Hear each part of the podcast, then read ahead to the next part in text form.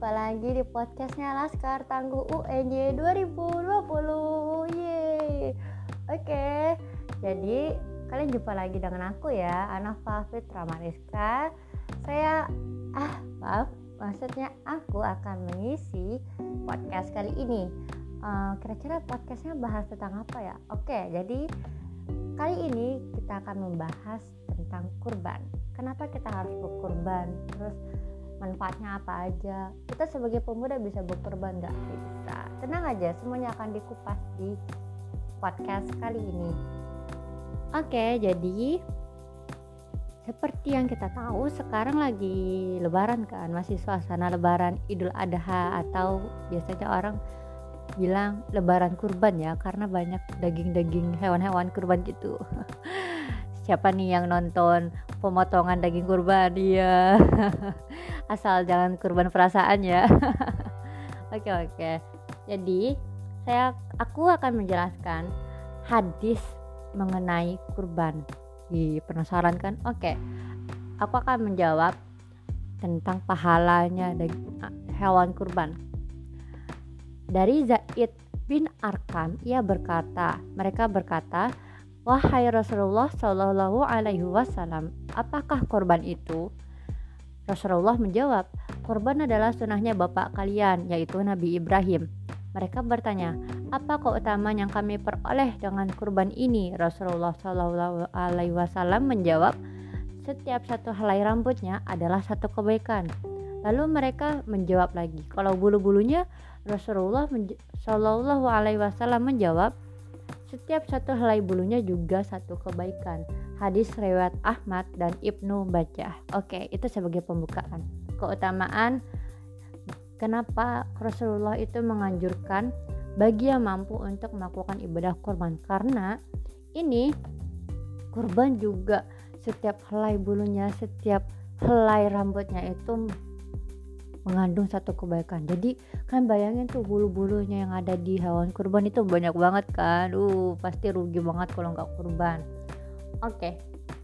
karena dari Abu Hurairah Shallallahu Alaihi Wasallam juga pernah bersabda yang artinya siapa yang mendapati dirinya dalam keadaan lapang lalu ia tidak berkorban maka janganlah ia dekati tempat salat id. Karena apa? Karena ini seperti poin tadi yang sebelumnya bahwa kalau kita mampu kita berkorban. Kenapa tidak? Ya kan?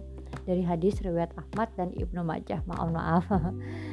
Oke aku mau ngasih tahu kenapa sih berkorban apa sih definisinya? Oke ini definisinya. Berkorban atau udia adalah salah satu bentuk pendekatan diri kita kepada Allah dengan mengorbankan sebagian kecil hartanya untuk dibelikan binatang ternak yang sudah ditentukan.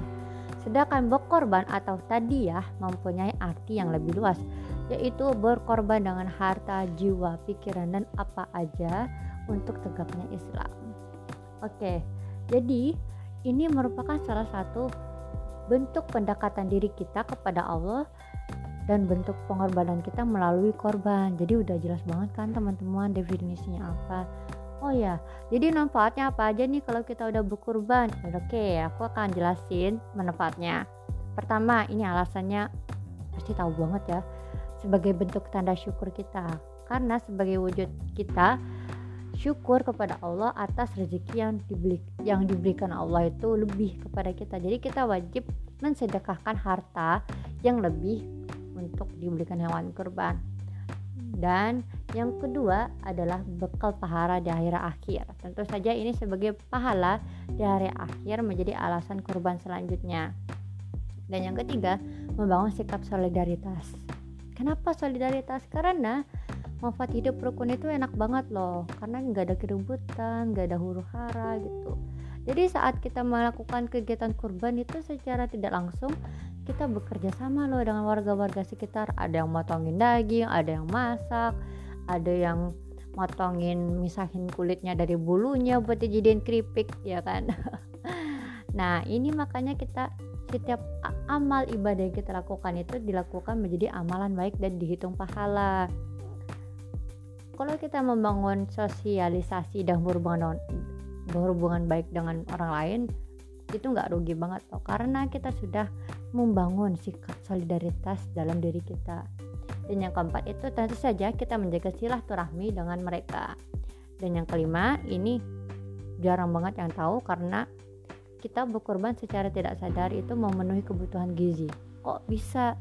Iya karena kita mau bagikan daging-daging korban itu kepada fakir miskin kan atau kepada mereka yang tidak mampu makan daging sapi. Karena tahu kan harga daging sapi ataupun daging kambing itu lumayan banget kan harganya.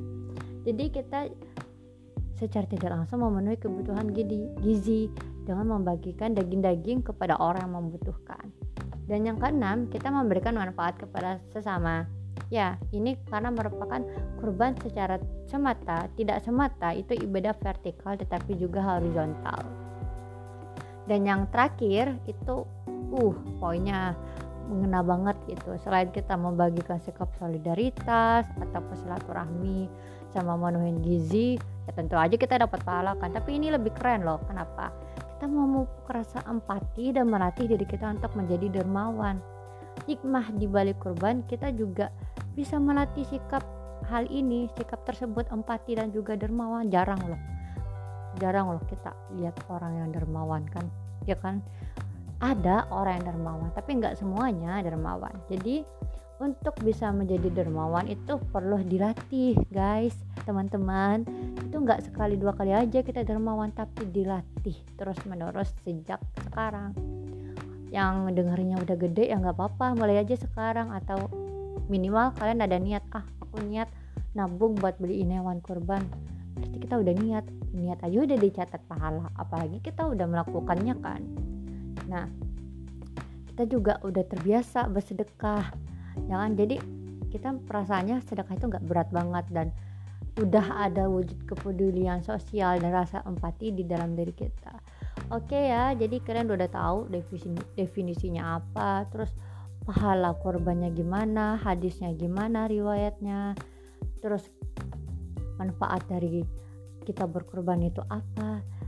So jadi aku harap ini bakal bermanfaat banget buat teman-teman yang kepo masalah kurban ini. Maksud aku kepo tentang kurban-kurban ini. Kurban itu apa sih? Manfaatnya apa aja sih? Jadi semuanya udah dijelasin di podcast kali ini semoga bermanfaat oh iya jangan kapok ya dengerin podcast ini dan podcast selanjutnya akan dirilis setiap hari Jumat ataupun Sabtu jadi tetap stay tune terus ya. Jangan lupa untuk selalu dengerin podcast Laskar Tangguh. Terima kasih.